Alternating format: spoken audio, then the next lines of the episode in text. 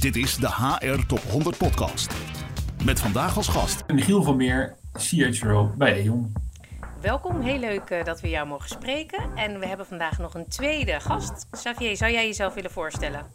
Zeker, Xavier Baten, professor of Reward and Sustainability bij Vlerik Business School. Hartstikke fijn dat jullie er zijn en vandaag jullie kennis willen delen met, uh, met onze community. Uh, voor ons heel bijzonder dat wij aan de Haart op 100 een Future of Work uh, categorie uh, toevoegen sinds dit jaar. En dat is ook waarom we dit gesprek met elkaar voeren. normaliter zijn het één op één gesprekken. En we hebben vandaag de mogelijkheid om zowel de wetenschap als de praktijk aan het woord te horen. En mijn ervaring is dat dat heel waardevol is. Dus bij voorbaat dank. Um, voor de luisteraar, Future of Work uh, categorie, uh, uh, hè, dat kan natuurlijk heel breed zijn. Hè? De Future of Work gaat over van alles. dus wat wij gedaan hebben is getracht daar wat lijn in aan te brengen. Dus we hebben drie categorieën benoemd ehm, waarover we het graag met elkaar in gesprek gaan. Um, en dat zijn Future Skills, Future Force en Future Workplace. Dus dan gaan we met de deur in huis vallen en beginnen we met de Future Skills. Uh, Michiel, aan jou als eerste. Hè? Jij uh, je werkt bij AON. Uh, zou je kort iets kunnen zeggen over hoe groot de organisatie is of uh, wat jouw verantwoordelijkheidsgebied is?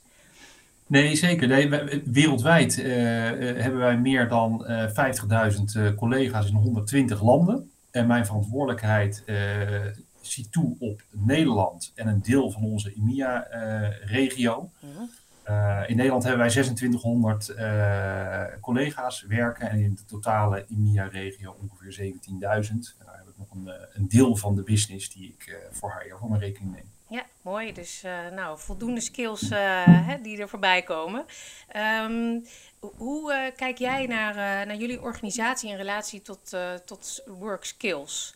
ook, ook wij binnen E.ON zien dat het werk natuurlijk ook veranderd hè, qua, qua profiel, het profiel van de, van de organisatie. Wij zijn overigens een uh, partij die uh, aan uh, riskadvisering doet. Hè, dus risk-based broking zeggen we wel. En dat doen we op de people kant en op de, op de risk kant.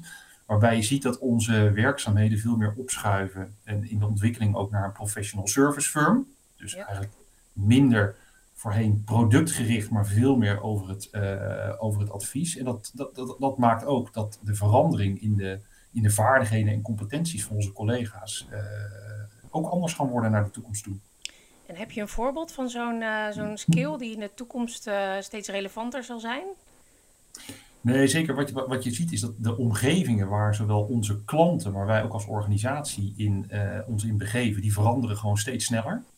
Waarbij je ziet dat eigenlijk de, ja, ik noem het maar, de, de, de cognitieve flexibiliteit of de mentale hè, wendbaarheid van onze collega's, ja, dat, dat, dat wordt steeds belangrijker. Mm-hmm. Hè, dus het omgaan met veranderingen, daar snel uh, je op kunnen aanpassen. Hè, gecombineerd met ontwikkelingen zoals de technologische ontwikkelingen. Die, dat vraagt natuurlijk ook veel meer van, uh, van onze collega's. Digitalisering. Maar dat zijn wel zaken waar wij, uh, waar wij steeds meer aandacht voor, voor hebben. En ook naar de toekomst toe gaan, gaan blijven hebben. En, en precies uh, eentje die je noemt wendbaarheid, daar vraag ik me dan altijd vanaf, is dat te leren? Of ben je gewoon wendbaar? He, dus nou, tot, tot, ik, ik denk dat, dat, dat je tot op zekere hoogte best wel wat dingen kunt ontwikkelen. Maar het, het, het, het feit dat dit heel, steeds belangrijker wordt, betekent natuurlijk ook wel voor je instroom dat je natuurlijk ook naar andere profielen gaat kijken die, uh, die je gaat aannemen. Mm-hmm. Die dit hebben, die dus in staat zijn om ook gewoon hè, steeds beter uh, dit soort veranderingen makkelijk te kunnen ja, absorberen als het ware.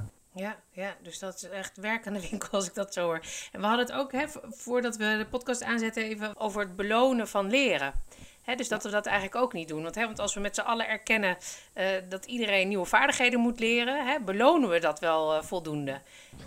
Ja, Hoe zie jij dat bij jullie? Dat is, dat, dat is een interessante vraag. Um, want je zou natuurlijk leren en ontwikkelen kunnen zien als een element van belonen. Dus de vraag is, zien we ontwikkelen als iets wat we aan de werknemer ook geven, aan de medewerker ook geven als beloningscomponent, of moeten we leren eigenlijk gaan stimuleren via ons beloningsbeleid? En dus het laatste gebeurt op vandaag weinig. Ik, heb één voorbeeldje, uh, Siemens, een bedrijf wat denk ik zeer veel mensen wel kunnen kennen. Um, dus ze hebben eigenlijk een volledige IT-tool opgesteld waar mensen ook hun skills kunnen gaan scannen, maar waar dat ze ook adviezen krijgen. Uh, en wat de link met beloning betreft, dus daar, daar zit een soort badge systeem bij. Dus als men, noemt dat My Learning World. Dus als mensen bepaalde ontwikkelingstrajecten doormaken, krijgen zij badges. Uh, en het is daarom niet zo dat die badges worden ingeruild voor geld. Want ik zeg absoluut niet dat je, belonen, dat je uh, ontwikkeling en opleiding financieel moet belonen. Nee, maar mensen zijn daar fier op. Van kijken zoveel badges ik heb verzameld. Ja. Um, en daarnaast nog, nog iets anders is als je bijvoorbeeld een uh, daaraan gekoppeld een, een fun reward event gaan in het leven roepen. Dus als we als team, zeer als team, bepaalde badges gaan verzamelen, oké, okay, dan kunnen we iets doen en men gaat zelfs nog verder, want men gaat effectief voor het management het collectief aantal leeruren gaan meenemen als criterium ter bepaling van de bonus. Oh, mooi. Michiel, hoe klinkt dat voor jou? Is het herkenbaar of uh, zit, hoe uh, nou, gaan jullie daarmee om? Nee, zeker. zeker. Ik, denk, ik denk een aantal elementen uh, absoluut. Um, want over het belonen van, van leren en ontwikkelen, uh, dat nemen wij op in de doelstellingen van zowel leidinggevenden als van onze, uh, van onze collega's. Uh, en, wat je daar, en wat daarin denk ik heel belangrijk is, is dat vooral die leidinggevenden, die zijn wel een hele sturende en belangrijke factor om ook die omgeving te creëren. Dus als het ware die psychologische veiligheid in die teams, die enorm, die bijna randvoorwaardelijk is om te zorgen dat eigenlijk een lerende cultuur voldoende op gang komt. Ja. dus wij, wij zorgen dat we onze uh, leidinggevenden voldoende uh, in staat stellen hè, om daaraan bij te dragen. Maar nemen dat echt actief op in, de, in onze doelstellingen. Uh, dat is één. En twee, zorgen we dat het, het, het, het aanbieden van ontwikkelmogelijkheden, maar ook leren, bijvoorbeeld door tooling in een My Learning omgeving, die hebben we binnen E.ON ook, die is heel laagdrempelig. Ja. dus het is bij ons echt zo dat medewerkers zelf aan het stuur kunnen zitten en in een open relatie en dialoog uh, met uh, hun leidinggevende uh, spreken over de mogelijkheden die nodig zijn voor de toekomst. Hè, of op de, op de, laten we zeggen, korte en middellange termijn voor het beter functioneren in hun, in hun rollen. Ehm, maar vervolgens eigenlijk heel laagdrempelig en goed bij allerlei tools kunnen die ze in staat stelt om uh, zich steeds beter te bekwamen te ontwikkelen voor uh, hun huidige rol, maar ook naar de toekomst toe. Ja, mooi. Ik wil heel kort, dus. Ik wil heel kort nog even, nog even inhaken op iets wat Michiel zei, wat me uh, intrigeert. En dat is het creëren van die omgeving. En dus we zien dat het niet alleen belangrijk is om de leeromgeving te creëren, we zien ook dat een aantal bedrijven, en veel te weinig, ook echt een omgeving om te innoveren gaan creëren. Want dat is natuurlijk een skill die nog niet aan bod is gekomen en waar er eigenlijk ook een zeer grote nood aan is. En dus we kennen bedrijven die bijvoorbeeld zeggen, en dit gaat dan wel ver, van kijk, mensen gaan één dag per week of één dag per twee weken, doet er nu niet toe, maar we vragen nu eigenlijk om dat vrij te houden, om en je kan natuurlijk niet op een aan-uitknop drukken qua innoveren, maar om mensen daar echt ook de tijd, en dat is heel belangrijk, en dat is wat Michiel ook zegt, de leidinggevende heeft daar een zeer grote verantwoordelijkheid in om ook die cultuur op die manier te gaan creëren. Ja, mooi. Ja, en, en misschien nog om daar iets op toe te voegen, is, uh, kijk, ik, ik, ik ben er dus van overtuigd dat als je dus in staat bent om in die teams die psychologische veiligheid en die, die atmosfeer daarvoor heel goed te creëren, dat stelt teams in staat om eigenlijk dat, dat ja, het innovatieve potentieel wat er zit en de creativiteit in die teams los te maken. Ja. En Michiel is misschien een goed bruggetje naar het uh, volgende uh, onderwerp, namelijk de workforce. Want als ik hoor he, veiligheid, cultuur van leren, he, dat vraagt ook misschien elkaar kennen of misschien elkaar treffen. En zeker voor innovatie, wat Xavier net zei, heb ik heel veel HR-directeuren horen zeggen, daarvoor moet je elkaar zien. Maar, maar, we zitten ook in een situatie waarin we steeds meer op afstand werken, misschien grotere flexibele schil krijgen, waar mensen elkaar misschien wat minder goed kennen en die psychologische veiligheid misschien niet zo logisch is. Hoe, hoe kijk jij naar die, uh, de toekomst van die, met die verregaande flexibilisering? Nee, ik, ik, kijk, ik denk een aantal dingen. Dit is, dit is een breed en uh, lastig onderwerp. Hè? Dus het hele, laten we zeggen, dat, dat, het nieuwe hybride werken, smart working, alle, alle termen die je eraan kunt, uh, uh, kunt geven. Ja, ja, ik heb het gezien als ja, misschien wel het grootste HR-experiment wat er is gedreven door uh, de, de, de, pandemie die uh, daardoor heen loopt. En misschien ook wel heeft gezorgd dat een aantal dingen gewoon uh, versneld plaatsvinden. Daar, wat, je daar, wat je daar ziet en wat wij binnen E.ON hebben gedaan, is gezegd, ja, wij gaan niet nu aan de voorkant voorschrijven hoe, hoe het precies moet. Dus het, het, het nieuwe beleid, je moet x aantal dagen verplicht thuiswerken of op kantoor. Dat hebben we gezegd, dat gaan we niet doen.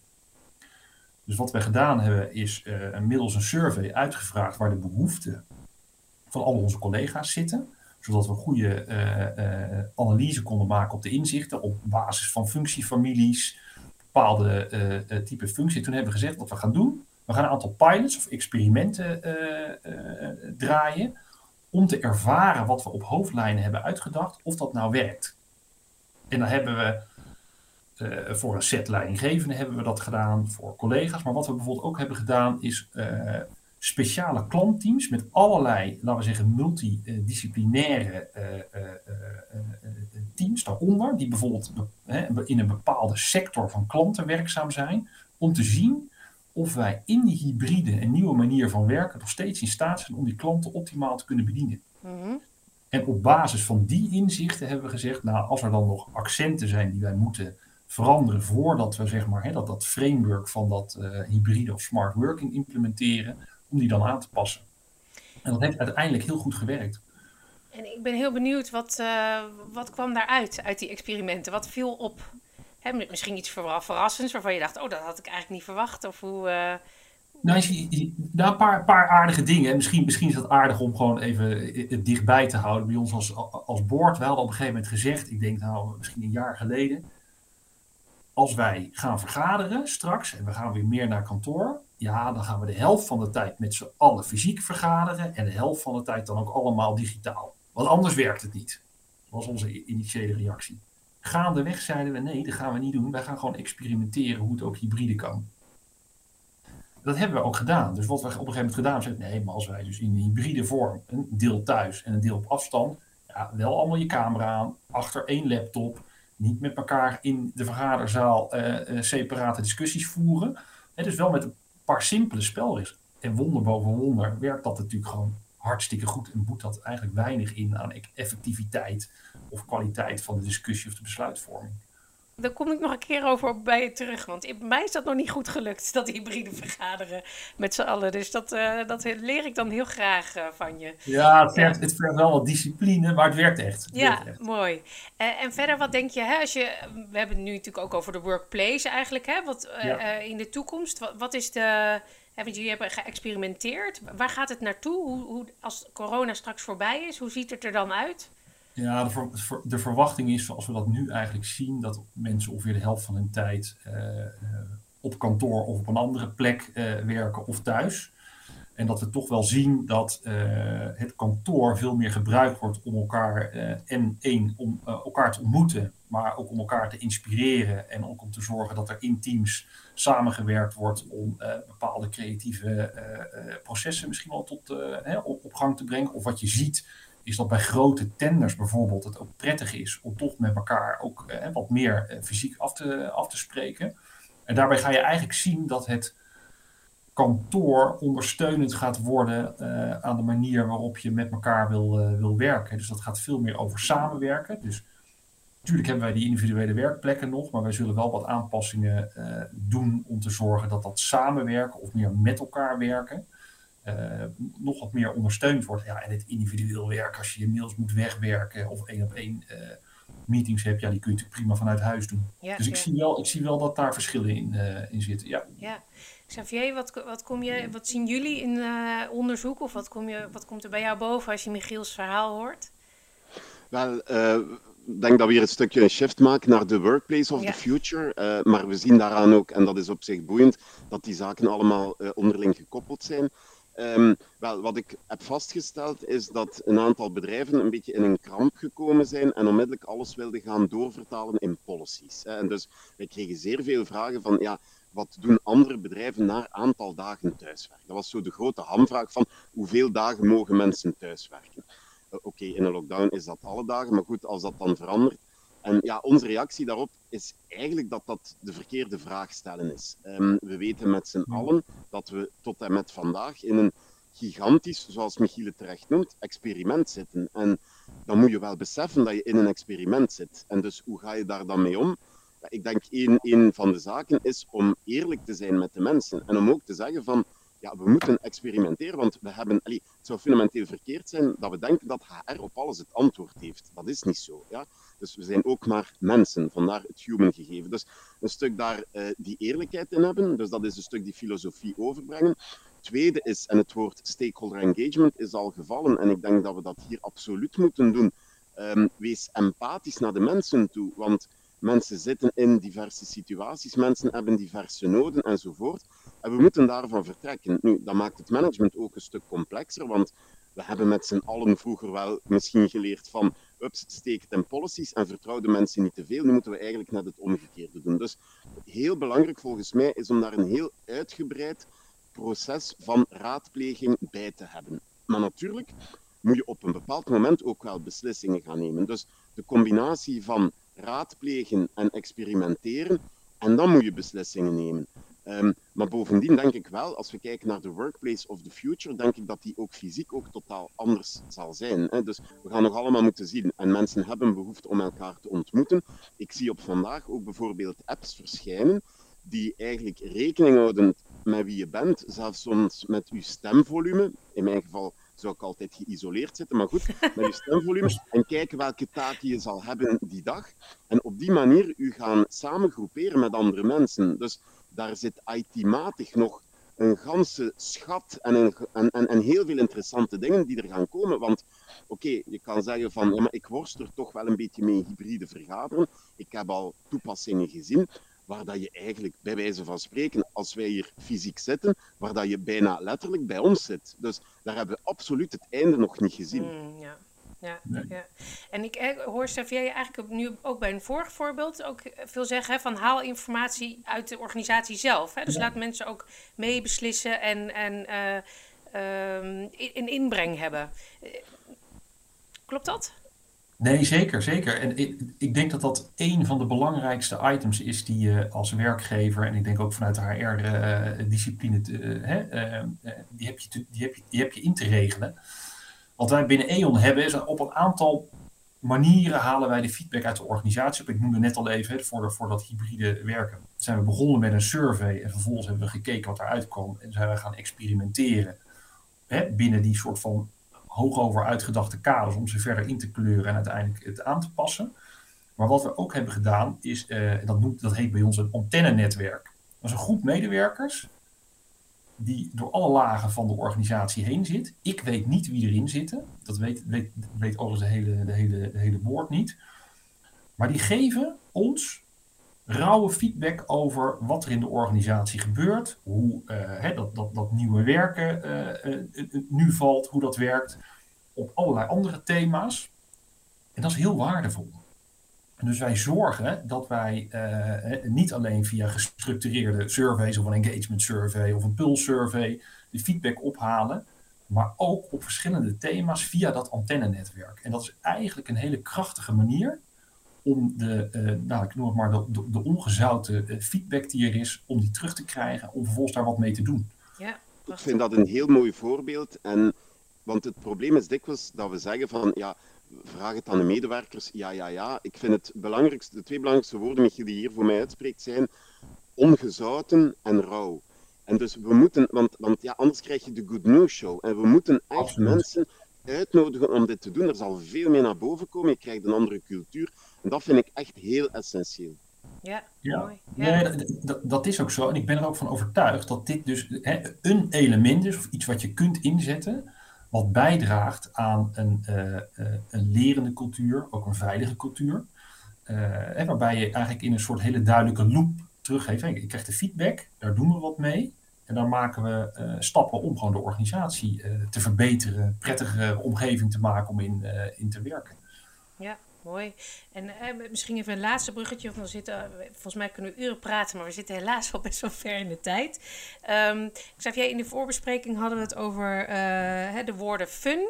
En ook uh, de reward uh, uh, experience. Hè? Dus ik hoor nu met rouw en, en eerlijk past dat misschien wat minder. Hè? Maar het doel is denk ik ook hè, in grote mate om mensen te binden op, op, op werkplezier. Hè? Dat is dan even mijn vertaling. En um, is dat iets wat belangrijker wordt in de toekomst? Wel, ik, ik vind eerst en vooral dat Nederland het woord arbeidsvoorwaarden uit het woordenboek moet schrappen. um, het is dat voorwaardelijke dat daar aanhangt, dat dateert uit het verleden. Dus ik denk dat we veel meer moeten nadenken vanuit wat is de ervaring van de werknemers hiermee. En dat betekent niet dat we geen policies kunnen hebben enzovoort, maar het is toch wel opmerkelijk dat we zeggen van ja, we hebben, we hebben rewards, we hebben beloningstools, maar laten we zo kijken vanuit de medewerker. Dus wat wij zien daar zijn, zijn toch een aantal belangrijke uitdagingen. Ik ga het zo schetsen. Maar eerst en vooral zien we die, en dat heeft ook te maken met wat we daarnet vertelden, die flexibilisering. En flexibilisering heeft voor mij te maken met waar werk ik, wanneer werk ik en ja, hoe verplaats ik me naar het werk, multimodaliteit enzovoort. Dus dat is een belangrijk thema en dat op zich, daar kunnen we al uren aan spenderen en, en, en, en dat is een heel belangrijk. Um, wat op vandaag iets minder al in de schijnwerper staat, maar zeker in moet komen, denk ik, is het gegeven van erkenning. Dus ik, een van de voorbeelden, ik hoorde onlangs een bedrijf dat zei message in a bottle. En dus wij hebben de sfeer ook bij ons, als mensen iets goed doen, ja, dan is er een mogelijkheid dat, dat, dat het management een boodschap schrijft, of zelfs collega's, ze stoppen die in een flesje, ze geven die door dat zijn zaken die, die dikwijls heel veel beter werken dan een bonus. Dus die erkenning, en denk na, en erkenning moet je dus ook veel dichter bij bij de feiten gaan brengen. Ik zie bijvoorbeeld bedrijven die aan teams die net een goed project hebben afgerond op een succesvolle manier, soms ook gewoon een budget geven en zeggen, team, jullie doen er iets mee wat jullie leuk vinden is interessant dat we het een beetje weten. We zijn, worden zo lerende organisatie. En zo krijg je ook de nadruk een stuk op, op het collectieve. Um, en inderdaad, het gegeven van fun is belangrijk. En ten laatste zien wij ook meer en meer, ook hier weer, het gegeven van sustainability doordeemsteren. Verantwoord belonen. Um, bijvoorbeeld, je ziet ook uh, bedrijven die toelaten dat mensen vrijwilligerswerk een stukje gaan doen, twee, drie dagen per jaar. Maar heel belangrijk daar ook is, leg dit niet op creëer bijvoorbeeld een groep, Michiel, jullie hebben de antennes, maar er zijn bijvoorbeeld ook bedrijven die een werkgroepje hebben rond um, goede doelen. En dat deze werkgroep, bestaande uit werknemers, gaat dan nadenken van, tja, wat zouden wij kunnen gaan doen? En op die manier creëer je eigenlijk weer die cultuursfeer, fun, sustainability, recognition. Dat zijn voor mij heel belangrijke kenmerken, ook naar de toekomst, naast natuurlijk flexibiliteit. Ja, mooi. Nou, Michiel, dan is de uitsmijter voor jou. Wat is jouw uh, uh, reactie op uh, Xavier zijn betoog? Nou, nee, prachtig, prachtig betoog en ik denk ook spot on. kijk, ik denk dat werknemers enorm veel waarde hechten en belang hechten aan flexibiliteit, ruimte en ondersteuning om hun hun passie en de dingen waar ze hè, s ochtends vroeg hun bed voor uitkomen, om dat goed te kunnen doen. En dat gaat niet alleen over eh, de goede dingen doen voor klanten of voor eh, de collega's, maar ook naar maatschappij. En ik denk dat je als werkgever ook moet zorgen dat in je, ik mag het woord arbeidsvoorwaarden durf ik eigenlijk bijna niet te noemen na het betoog van uh, Xavier, maar toch, daar zal je flexibiliteit en ruimte in moeten bouwen om te laten zien dat collega's vrijheid hebben om bijvoorbeeld iets terug te doen voor de maatschappij. En natuurlijk gaat het over goede doelen, hebben we binnen E.ON ook. Hè, een groep en verschillende goede doelen. We hebben ook ruimte die we collega's bieden als ze daar behoefte aan hebben om iets terug te doen voor de, voor de maatschappij, zodat ze zich daar ook niet belemmerd in, uh, in voelen. Ik vind dat belangrijk als organisatie die midden in de, in de maatschappij uh, staat. En ik denk dat het belangrijk is, en daar komt dan misschien de fun part. Je moet ook wel zorgen dat er ruimte is om leuke, om leuke dingen te doen. Wij hebben een programma dat heet Stars, waarbij je uh, medewerkers uh, eigenlijk heel, op een hele goede manier met een soort boter bij de vis uh, kunt waarderen voor wat ze hebben gedaan. En dat, gaat dus niet, dat, dat, is dus niet in de geldelijke sfeer, maar op een andere manier. Ja, ja, mooi. Nou ja, ik word heel vrolijk van deze podcast, want ik heb veel vrijheid, flexibiliteit, wendbaarheid, ruimte om te leren. Dus de future is bright wat mij betreft. Dus uh, dat, uh, dat, dat haal ik er zo uh, even uit op het eind. Ontzettend bedankt voor het delen van jullie visie en kennis. En heel graag tot een volgende keer. Dit is de HR Top 100 podcast.